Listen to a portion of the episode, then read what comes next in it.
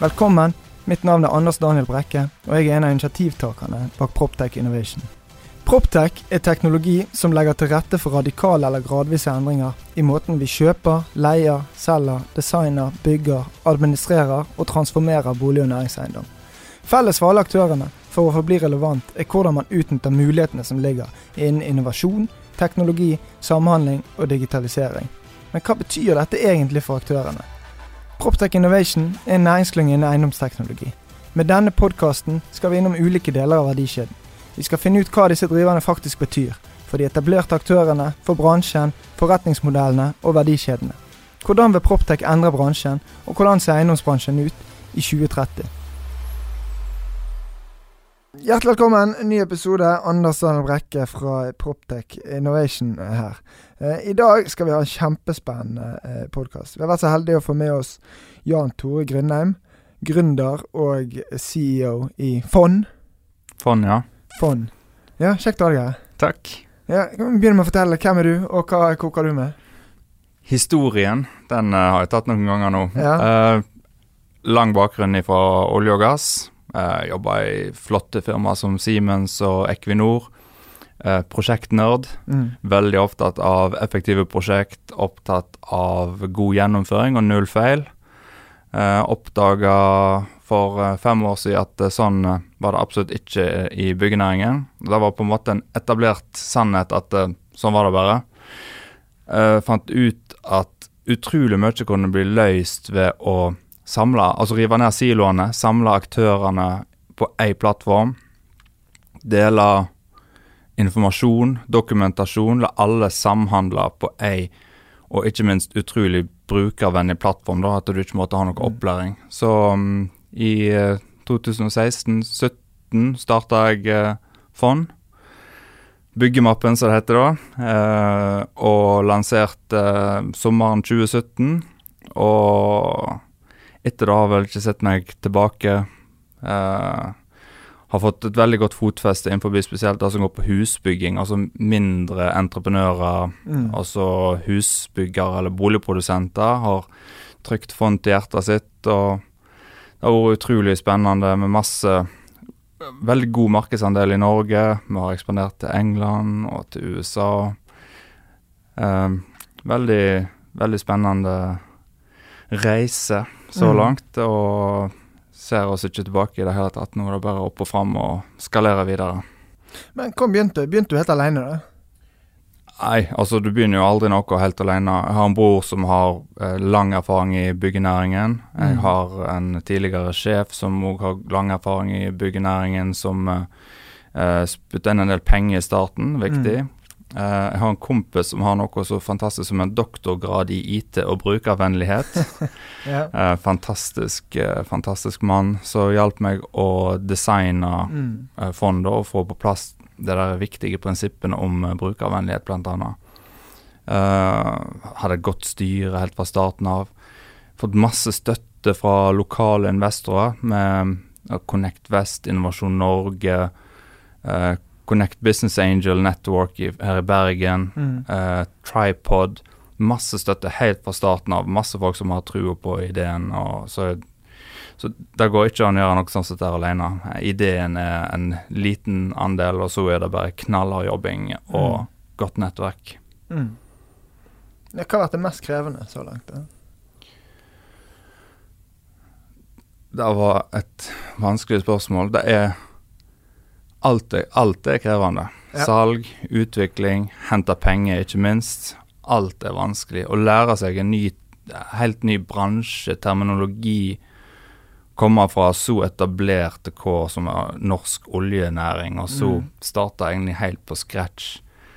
Så det har vært um, vært utrolig utrolig krevende hele veien, men utrolig spennende. Viktig å ha åpent sinn og lytte til folk som har, har gjort det før deg. Altså, Men eh, veldig vanskelig å si én ting, én ting som spesielt har vært vanskelig.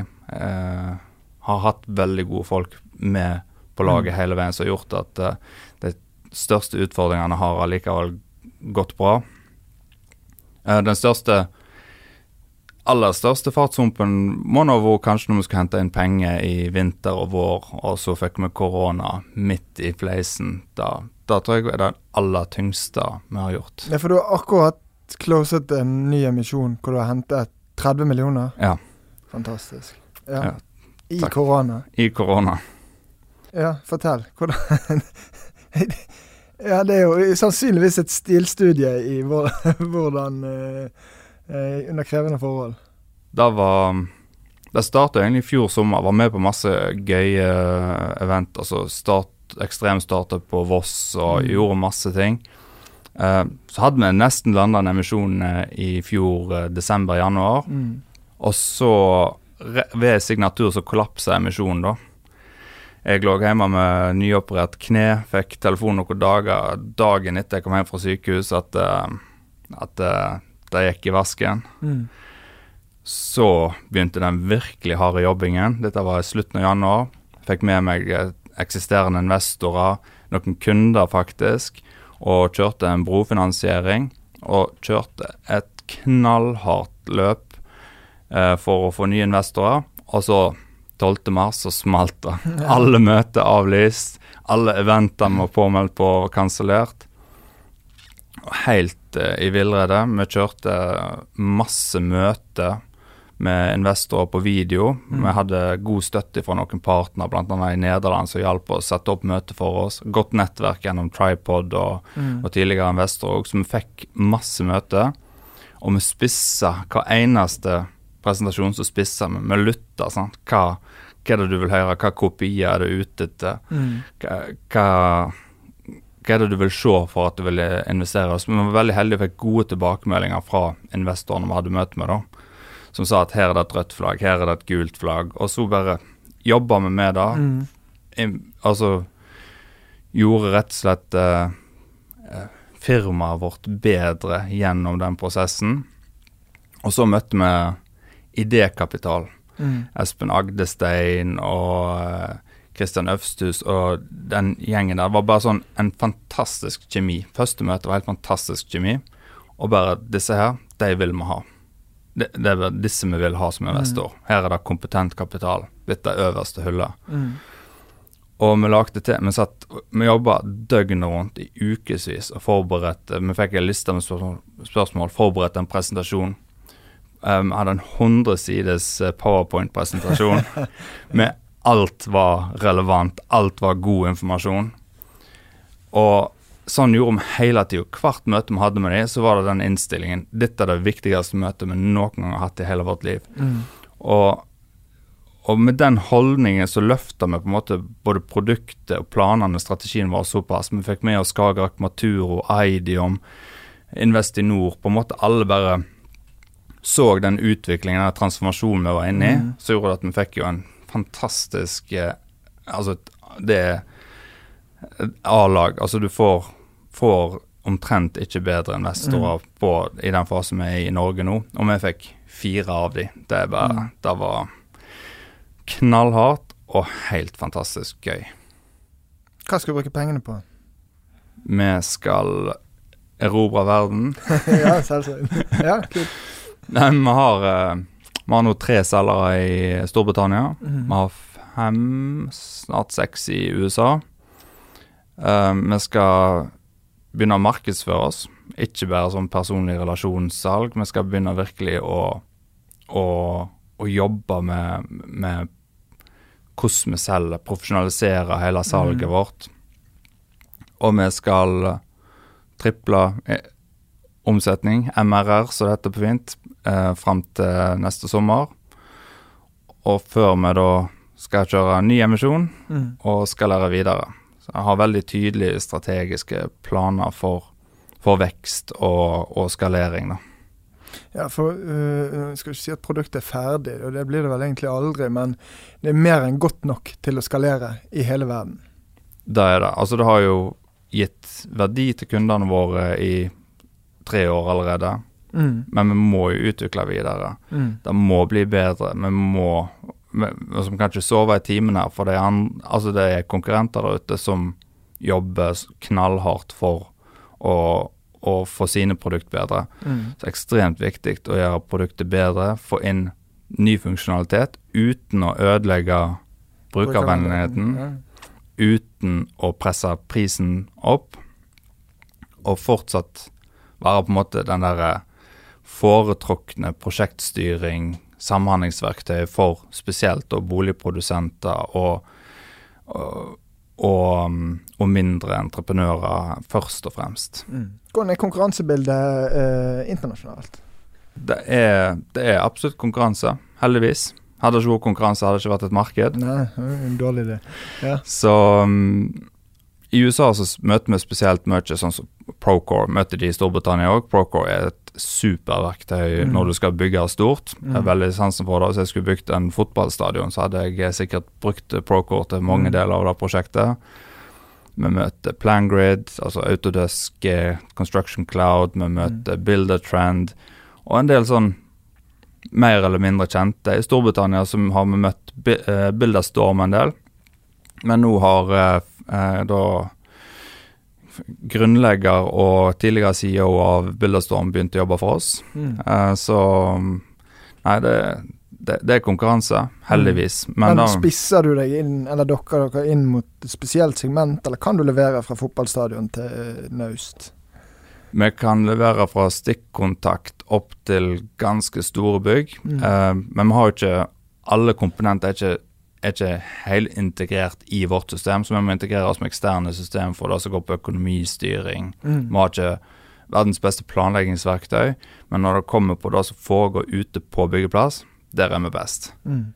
Men vi tror at å finne vår nisje, altså det er alltid derfor nisje innenfor nisje, Ja, sant? ja. vi går ikke ut i hele verden samtidig, og vi tar ikke hele byggenæringen samtidig, for den er gigantisk. Så vi mener at å satse da på det som vi kaller horisontal bygging, ja.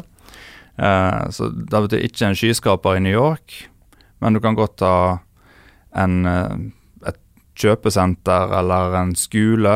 Eh, ting er litt mindre komplisert når du er i, USA, på en måte. Når vi skal bygge en Mm. skole, så bare bygger de en skole. Når vi skal bygge en skole i Norge, så er det et fantastisk prosjekt med alt mulig, og det blir jo så dyrt. Og helt ulik alle andre noen Ja, ja. skal være så spesiell. Ja. Og det, og det er en veldig fin ting med USA, at det der De, de, de er ikke så spesielle. Mm. De, måte, de finner ut at her skal man gå og kjøpe en hullvare, Og hvis du driver med software a service i USA, så vi ser at de i USA så kjøper de dobbelt så fort og betaler dobbelt så masse. Mm. Så um, som er litt heldig der. I Norge så er jo alle så spesielle at alle skal ha egne IT-avdelinger, utvikle egne system, sånn proprietære system som koster mer å drifte per måned og vedlikeholde sikkerhetssjekker og sånn enn det koste å kjøpe det beste som er på markedet, som har hundrevis av tu, hundretusenvis av timer utvikling i året, inkludert bakt Mm. inn i prisen. Mm. Så det er en sånn eh, en spes, litt sånn spesiell ting vi har oppdaga med Norge. Ja, det gjelder jo ikke bare byggebransjen, det gjelder jo alle. Ja. Ja. det- Vi er litt sånn litt spesielle i Norge. Hvert prosjekt er superunikt. Ja, altså Med fare for å noen på tærne, men det er jo snodig at Coop lanserer sin egen betalingsløsning, f.eks. men la oss ikke bruke mer tid på det. Jeg er jo gammel kjøpmann, så jeg følger jo med der. Og veldig rart. Eh, men eh, nok om det. Eh, men det, vi kan jo gå rett videre inn og snakke litt om digital modenhet i eiendomsbransjen. For dette må du jo kunne mye om. Nå har det jo begynt litt med at ja, det er mange som har egne eh, proprietære systemer. Og så har du fått en sånn feeling på i hvert fall de siste 18-24 månedene at folk har gått mer vekk ifra at det skal være så proprietært. Men det er veldig langt fra å si at nå skal vi gjøre det om, til man faktisk får bygget om den IT-arkitekturen og infrastrukturen til at man i det hele tatt klarer å levere et API, eller ta imot et API. Ja, men det, det, det er fint. Altså, det er masse som skjer. Mange som ønsker å digitalisere mm. bransjen, og det blir jeg veldig glad for. Når jeg hører at eh, et ganske lite firma ønsker å utvikle et eget system, så tenker jeg det er et veldig langt steg i riktig retning, i alle fall. Men eh, altså eh, Byggenæringen, da, hvis jeg tar hele byggenæringen, så er jo da den minst digitaliserte næringen utenom jordbruk, jakt og fiske. Og det sier jo litt. Um, og man spørreundersøkelser eller sånn eh, service i USA viser at eh, det er ikke mer enn kanskje 20% av boligprodusenter som har et system. Mm. Det er gråblyant på bjelker, papir, laminerte tegninger. Det er veldig mye det ennå. Så modenheten Altså, det er absolutt marked som er klart å ta. Det er mange som prøver å bevege seg inn i det markedet nå. Kjempebra. Vi har en veldig fin filosofi om at uh, altså samarbeid når du kan, og konkurrere når du må. Mm. Så vi heier på alle som driver den næringen videre, for det er så stort så, Altså digitalisere byggenæringen, det er så stort marked å ta av. Og hver eneste nye firma som blir digitalisert innenfor byggenæringen, mm. er, er, jo en seier. Mm. Uh, nei, det, det, er veldig spennende, for bare når jeg begynte å se på denne ideen i 2015-2016, så har det skjedd enormt mye. Mm. Uh, altså Du snakker om eiendomsbransjen, da. Vi er jo litt sånn veldig fokus på å bygge, ja. byggefasen, bygge prosjekt. Så vi var jo i England og så møtte vi Mark Farmer, som er liksom rett under dronning, og han er Ministry of Housing. Uh, ja, og han, uh, han, sa det så fint at construction, det er liksom den derre onde tvillingen, den onde delen av Proptech som ingen ønsker å snakke om. Det er bare sånn, du bare lukker igjen øynene, og så bare venter du til byggefasen er ferdig, for du vet at det er smertefullt. Mm. Så derfor er det enkelt å fokusere på eh, Proptech og drifting av bygg og sånn, men det er ekstremt viktig, og da har de begynt å få øynene oppe for i, i utlandet òg, dette her med at det, det, er masse, masse å hente i byggefasen òg. Mm. Ja, altså Når jeg snakker eiendomsbransjen, så mener jeg jo bygg og anlegg og eiendomsbransjen. Jeg mener ja. totale greien og aldri skjønt hvorfor vi skal differensiere dette i så store siloer. Men det blir jo litt, hvis du tar livsløpet til et bygg, da, så har du jo planleggingsfasen og designfasen og byggefasen og driftsfasen. Og så skal vi etter hvert inn i demontering og eh, oppskaleringsfasen eh, ja. etter hvert. Eh, så jeg skjønner jo at, i hvert fall for de som er født og oppvokst i denne bransjen, at det er viktig å skille mellom bygg og anlegg. Nei, jeg er altså Proptech er Proptech, men det er veldig enkelt i Proptech å fokusere på energieffektivisering av mm. bygg. Mm. så Det blir fort liksom den biten du Det blir fort der du lander når du snakker ja, om det. Ja, og det er jo egentlig fordel eh, dere. Eh, ja. Og god timing. Eh, for du har helt rett. Det, de, når vi begynte å snakke om Proptech, for min del i for to, to og et halvt år siden, så var det veldig mye sånn Det var droner. Eh, det, det, var, eh, som du sier, systemer som kunne optimalisere energien. Det var i sensorer. Disruptive skulle jo erobre verden med frimerkesensorene, eh, uten at bransjen i hvert fall skjønte hva betyr dette for meg. Eh, så du har helt rett at det var, det var mye mindre aktivitet på planlegging og byggefasen. Og Det ser jo òg Spacemaker, f.eks., som gikk inn og tok planleggingsfasen. De flyr jo også bare juling, eh, og er jo i ferd med å bli verdensledende på den delen. Ja, jeg syns det er utrolig eh, da, Du er inne på noe gøy der, da. Tenk hva vi har i Norge, da. Eh, der du har Spacemaker, som er i den der planleggingsfasen. Mm. Du har Bimsyn Catenda, som er i den derre eh, VDC, altså den der designfasen. Du har fond som er i byggefasen, Airthings og alt det som foregår etterpå. Mm. Altså Vi har jo vanvittig bra proptech-næring i, ja. i, Norge. Helt fantastisk. Sånn, det, det, og det er et merkenavn. Vi er f.eks. i England, og så sier vi at vi er proptech, contech fra Norge. Så er det bare sånn mm. Bra, det er kvalitet. Mm. Har, det, er, det, er, en fin ting eh, med ja, å være norsk. Det er veldig kjekt å høre, egentlig.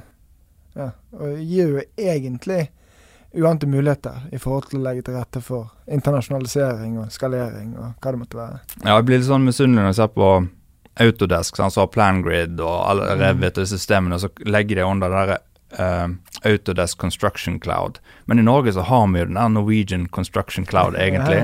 Vi har jo kjempegodt samarbeid med Catenda, der vi har integrasjoner og vi viser modellen deres i vårt system, f.eks. Mm. Tenk å ha gjort enda mer ut av det, da. Mm. Neste torsdag skal jeg møte Nikolai Astrup og snakke om akkurat ja, ja, dette her, faktisk. Så da blir det litt gøy. Ja, for min eh, opplevelse òg eh, er jo eh, Jeg har vært med på et prosjekt som handler om å ta BIM-modell og visualisere den for å kunne selge før man på en måte har satt, eh, begynt å grave.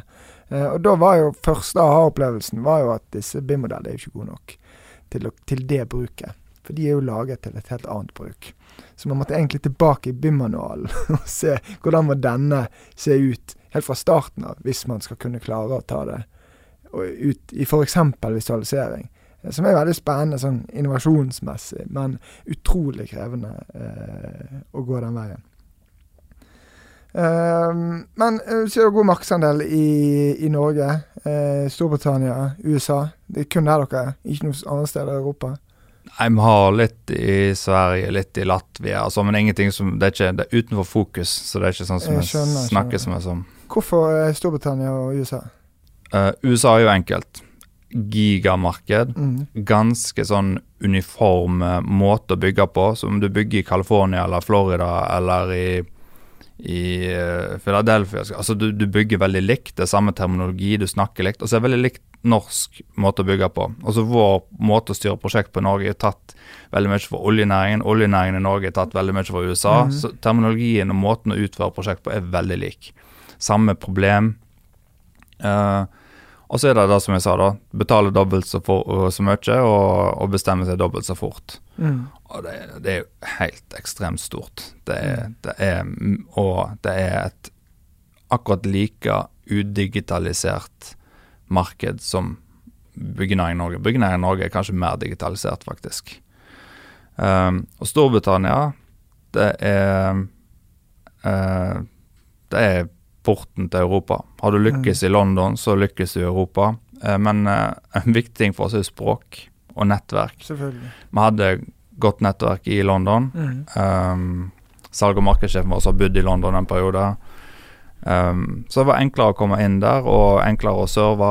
Slapp å lage Og òg en ganske lik kultur. Og så er det en sånn en fin, fin norsk altså Storbe, Norge, Storbritannia og USA. Det er ganske likt, men kommer du ned i Tyskland og Frankrike, og sånt, så er det veldig annerledes. Det er styrt av eh, det er styrt litt fra et overordna nivå, så det er sånn organisasjoner, det er veldig mye mer politisk. Eh, så det er vel de enkle svarene, og det er stort nok, det markedene. Men vi skal inn i Europa, men ikke ennå. Ja, og det er klart, hvis du bare ser helt isolert og enkelt på det, så hvor mange innbyggere er det i London? Er det seks, syv, åtte millioner? Noe sånt? Ja, være midt i eh, rundt Themsen, ja. Ja, Det er helt Eh, og så ser du på lille Norge, eh, som strekker seg fra, fra eh, over så langt eh, geografisk område. Sier seg sjøl at eh, lykkes man, får man til dette i London, så skalerer det så bare hjulet. Ja, og, og en ting som er gøy òg, er at um, den, igjen innom Proptech, da, veldig fokus på når, når det er sånn kåring av årets prosjekt og sånn, så er det så store. Det er et Mjøstårn, det er et Mm. eh, museum, det er et eller annet veldig stort. Men det er en veldig liten andel av, av byggenæringen. Mm. De aller fleste pusser opp kjøkken, pusser opp bad, bygger hus og hytte. Det er enorm omsetning der, og det blir sånn glemt. For folk skal ha droner, som du snakker, roboter som tegner opp og skanner hus. Og Ja, det, det er teknolo den teknologiske nyvinningen ligger så langt på den der på Mm. høyresida. Mm. Så, men i Storbritannia så er det er jo bygd ut. Så det er refurbishment, sant. Mm. Altså de, de kjøper eh, blokk, river ned innvendig, og så bygger de nytt inne. Mm. Og da er det helt andre metoder. Du kan ikke begynne å bimme et bygg fra 1653. sant? Det er, så det er òg en veldig stor mulighet for oss, for vi er ikke Mm. så eh, avhengig av at bygget et teknologisk nytt. Mm. Ja, og så er det, jeg, jeg er helt 100 enig i det med deg. Også er det det. Det er ikke nødvendigvis teknologien det kommer an på. Du skjønner hva jeg mener? Altså, det, det er ikke det som er nødvendigvis den avgjørende faktoren. Avgjørende faktoren er å kunne klare å skape verdi eller fjerne noe friksjon. Og jeg holder på å bygge hus nå, eh, og de bruker ikke, den utbyggeren bruker ikke fondbyggemappen. Eh, den bruker e-post og SMS. Eh, så, og dette er i 2020 i Bergen. Det er Så det er, det er, markedet må jo være svært. hvordan Går du på befaring i helgen, da, og så tar du med deg kamera, så går du hjem og så drikker du to glass rødvin, og så skriver du mail i capslock til utbygger, da? Ja, ja. det, det, eh, Nei, ja, det, det burde man kanskje gjort. Uh, men det er mer sånn Nå treffes vi, og uh, du får en sånn bunke med ark med leveransebeskrivelse. Eh, og så får du beskjed om å gå hjem, og i løpet av fire uker må du gjøre noe valg. Ja, Ja. OK. Ja, nei, men uh, sweet. Ja, nei, det, det må ivareta sluttkunden. Den skal ha huset. Det er Mm. utrolig viktig, syns jeg. da. Det er jo en del av den opplevelsen. Og hva det fører til for en, for uh, du som utbygger at du har fornøyde kunder. Du blir anbefalt videre. Men, det er litt sånn, men kunden er jo egentlig bare sånn nødvendig ånde i byggeprosessen. Ja, jeg tror vi må snu litt på, på, på holdninger òg, i forhold til at man ønsker jo ikke at kunden skal få gjøre noe valg. For gjør de noen valg, så gir det noen ringvirkninger som gjør at prosjektet blir mindre lønnsomt og det blir mer kaotisk. og Totalentreprenøren han vil ikke ha det, og byggherren vil ikke ha det. og Det er egentlig ingen som vil ha en eneste endring. Og så går man ut i markedet og sier det er en fordel å kjøpe tidlig, for da kan du komme inn og endre. Det er noe som ikke stemmer her. Ja, det er jo, Men det har vi snakket om tidligere, da, med digitale norske, norske byggebedrifter. altså mm. hvor, hvor spesielle de er. Men nordmenn er jo spesielle. Når du bygger deg et hus, ønsker du vel akkurat de flisene. Du vil ha litt sånn og litt ja. sånn. Det skal ikke være Kataloghus er jo bare eh, Altså, hvor mange ganger tror du det blir lagd et kataloghus som er akkurat sånn som de hadde tenkt? Det er mm. alltid litt endring, sant? Og det, krever god endringshåndtering. Mm. Og da, da, trenger du Du trenger systemet utenom e-post, altså. Ja, du gjør det.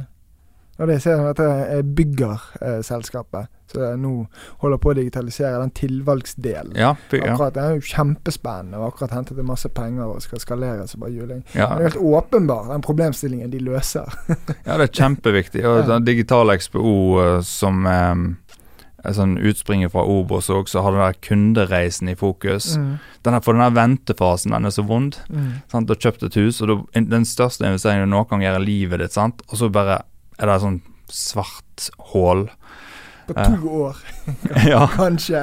ja, det, det, er viktig, og jeg syns det er kjempeviktig å adressere slutt, sluttbrukeren. Eh, det er jo, og det, det er jo i vinden òg nå. altså Sluttbrukeren får mer fokus. Ting blir designa for sluttbrukeren, ikke for spesialisten. Mm.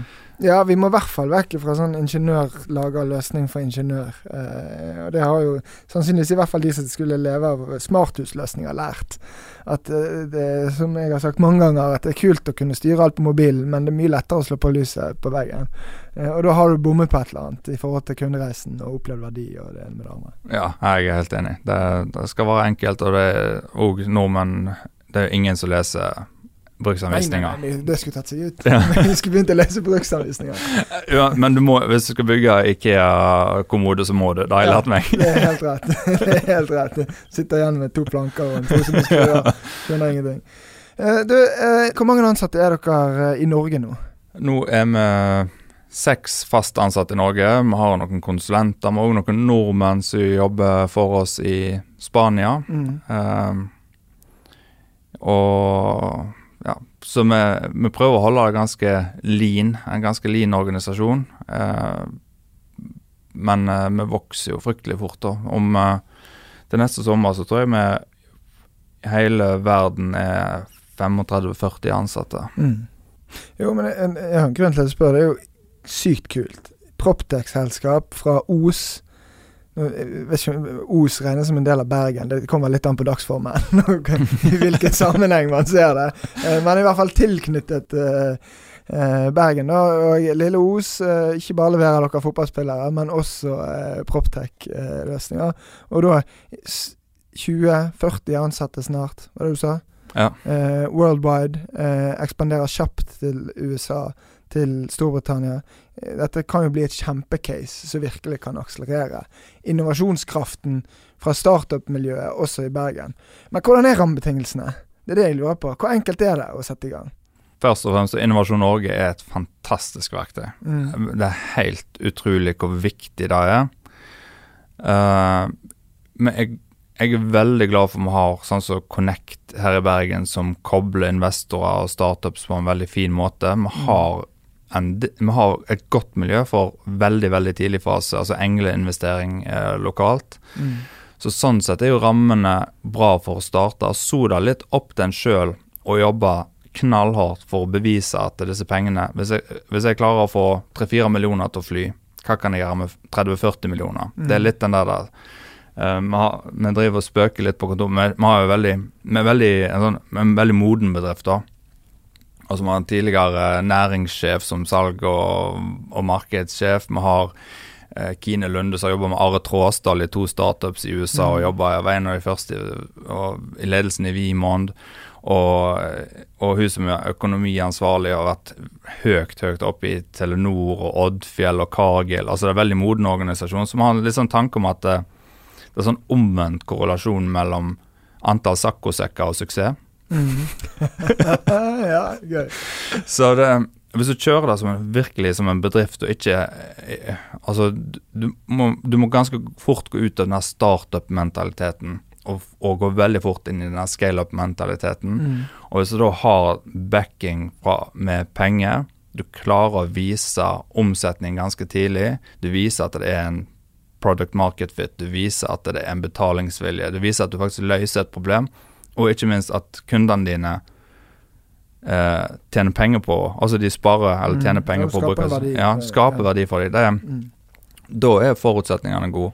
Og Det har jo vært mye kritikk nå i sommer gjennom korona kommet kommer til norske investorer på den neste fasen. Uh, men, den Dødens dal. Ja. Uh, ja. men når du eh, Jeg forstår det litt, eh, men det er ikke sånn. Det er der, men du må ha gode case. Mm. Eh, det, er, det er kresne investorer. Du må ha virkelig gode case og vise til en moden organisasjon. Altså, vi er jo- vi er jo overmodne for å gå internasjonalt og for å vokse. sant? Vi bare Mm. føler at noen holder oss tilbake.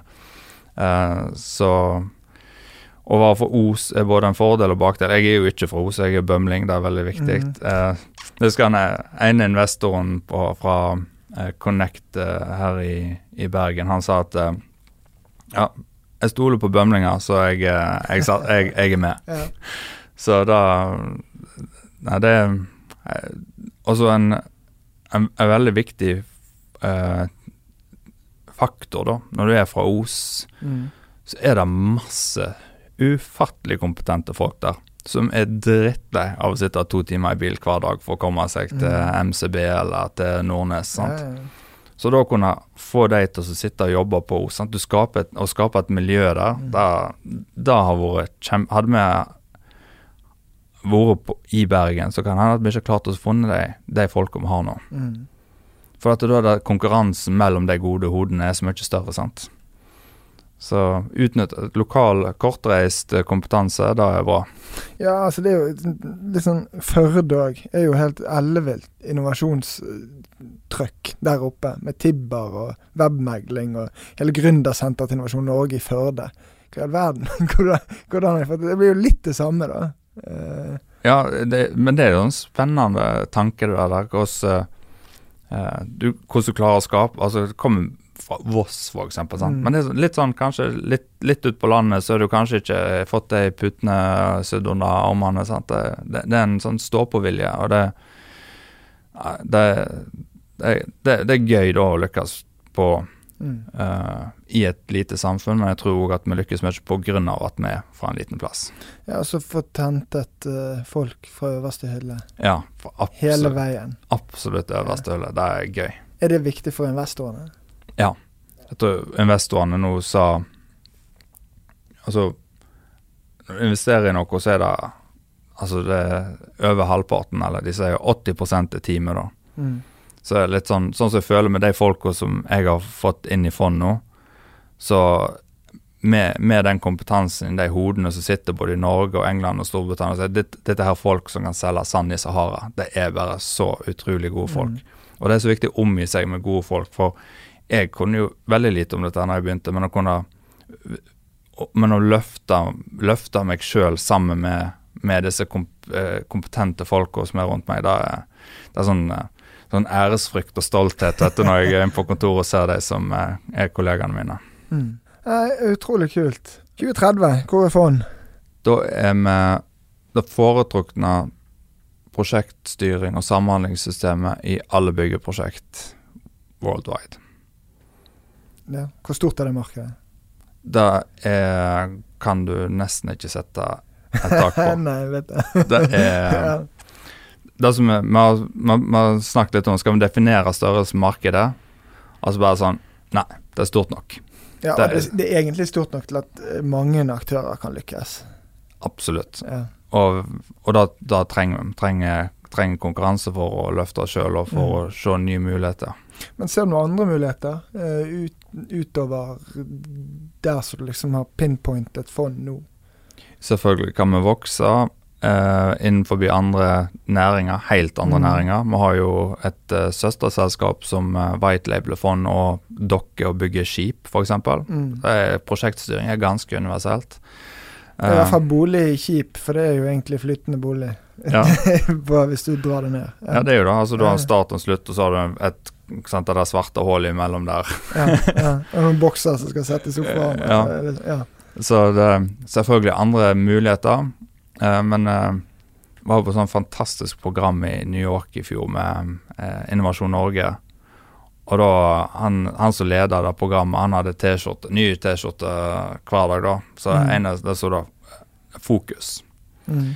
Og det med fokus er så viktig, for hvis du begynner å, å skli ut og begynne å tenke på andre, andre ideer, og, det du er så fort at du mislykkes der du står. Mm.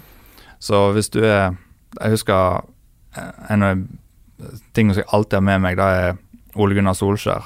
Når han var spiss for United, så var jo han en sinnssykt god mm. eh, avslutter. Mm. Altså sånn, hva, øv, hva, er det du trener på når treningen er slutt? Sånn, hva, hva, er det du øver på da? Nei, da øver jeg på å skyte. Ja, men du er jo best i verden på å avslutte. Ja, men jeg skal bli enda bedre. Jeg trenger ikke å springe og øve på å takle og være høyreback. Jeg skal bli best. Mm. Best innenfor akkurat min nisje. Mm. Så det er nisjefokuset, det er Så hvis du spør, spør meg igjen om, uh, om fem år, da. Mm. Om du klarte å holde fokus? ja, eller kan bestemte oss for. Ja. Må hele tiden ta veivalg. Uh, nå er det veldig tydelig fokus på bygg. Byggefasen. Mm. Og, og, ikke prøve å ikke være Ikke være noen som skal være best på alt, men være best på akkurat det som foregår på byggeplass. Og være der mm. for å eh, Det var er en litt sånn eh, fin historie med altså, Jeg var i Filippinene og møtte ei som stort byggefirma der. Mm. Og hun har sånn utrolig fin profil. Hun har eh, solcellepanel på eh, takene, hun bygger rimelig, og hun bygger ordentlig betong, sånn at mm. det ikke der, der råtner og, og mygler, mygler vekk i løpet av noen få år. Og da hun sa da at de som flytta inn i huset hennes, plutselig hadde lys på dagen. Så da fikk disse her disse konene som var hjemme, da kunne de begynne å jobbe. Sant? Så de starta med sånne egne bedrifter som sydde og, ja. og fiksa. Så hun sa at det handler om å enable people. Og det er da jeg føler at uh, vår misjon er å enable de som er ute på byggeplass, til å ta ut sitt fulle potensial. Ikke springe og lete etter tegninger, være på telefonen og mm. lete innbokser, sant? men la de være så gode de er. Det er ingen som ønsker å gjøre feil. Ja, hva jeg hørte deg sto på scenen i 2018, eh, og da sa du jeg tror det var 56% av tiden til en håndverker går med på å lete etter verktøy og se på tegninger. Ja, sek, ja McKinsey uh, i den store undersøkelsen eller den store rapporten hennes fra 2017, mm. 65% av en feltarbeiders dag går vekk i det som vi kaller waste, ikke, mm. ikke verdiskapende aktiviteter. Ja. Det er mye. Ja, og i hvert fall hvis du Hva tror du faktureringsgraden er på denne? det ligger et voldsomt gap i forhold til verdiskapning. Ja, altså, du vil aldri bli 100 men si at du klarer hvis du klarer å forbedre det med 1-2 da, mm. worldwide, det er enorme besparelser. Altså den der bærekraft kraften som er i å effektivisere allerede eksisterende prosesser, mm. den må ikke undervurderes. altså å drive og finne opp all slags grønne ting, det er helt supert, men den mest kostnadseffektive måten å bli mer bærekraftig på, er å effektivisere eksisterende prosesser. Så et utrolig viktig for meg det der. Slipp, altså Gjør det rett første gang, så sparer du material, tid, penger. Kanskje hus kan bli billigere mm. for folk flest, for at det er mindre feil. Ja. Og kanskje vi skal over i mer hus as a service. Hvem vet? Men det får vi ta en annen podkast. så lenge de bygger dem med fond, så det er greit. ja, jeg er helt enig. Helt enig. Jeg heier på fond, og heier på uh, virkelig, virkelig lykke til. Uh, videre. Og tusen takk for at du kunne komme. Sjøl takk.